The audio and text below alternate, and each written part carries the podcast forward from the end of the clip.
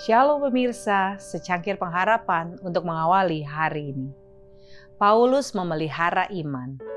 Aku telah mengakhiri pertandingan yang baik. Aku telah mencapai garis akhir dan aku telah memelihara iman. 2 Timotius 4 ayat 7. Dari ruang pengadilan kaisar, Paulus kembali ke selnya. Menyadari bahwa ia telah mendapat untuk dirinya sendiri istirahat yang singkat ia mengetahui bahwa musuh-musuhnya tidak akan berhenti sampai mereka melaksanakan kematiannya. Tetapi ia mengetahui juga bahwa untuk sesaat kebenaran telah menang. Memasyurkan juru selamat yang telah disalibkan dan telah bangkit di hadapan orang banyak yang telah mendengar kepadanya adalah suatu kemenangan.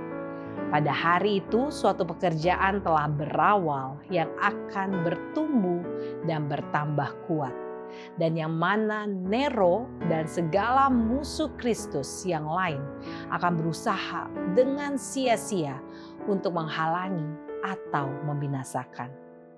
Selama masa pelayanannya yang panjang, Paulus tidak pernah terserandung dalam kesetiaannya kepada Juru Selamat di mana pun ia berada, apakah di hadapan orang-orang Farisi yang marah-marah atau di hadapan pemerintah Roma, di hadapan orang banyak yang marah-marah di Listra, atau orang-orang berdosa yang bersalah di tahanan-tahanan di Makedonia.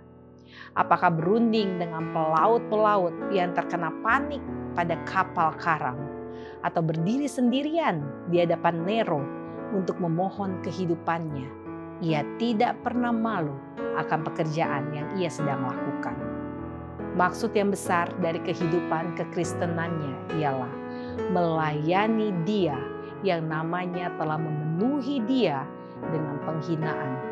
Dan dari maksud ini tidak ada pertentangan atau penganiayaan sanggup mengesampingkan Dia. Imannya yang dikuatkan oleh usaha dan disucikan oleh pengorbanan menegakkan dan menguatkan dia. Hamba Allah yang benar tidak akan menolak kesukaran atau tanggung jawab. Dari sumber yang tidak pernah gagal, mereka yang dengan sungguh-sungguh mencari kuasa ilahi, ia mendapat kekuatan yang menyanggupkan dia untuk menemui dan mengalahkan pencobaan dan melakukan tanggung jawab yang dibebankan Allah kepadanya. Jiwanya keluar dalam kerinduan yang besar untuk melakukan pelayanan yang berkenan kepada Tuhan. Alfa dan Omega jilid 7 halaman 421 sampai 423. Demikian renungan kita hari ini.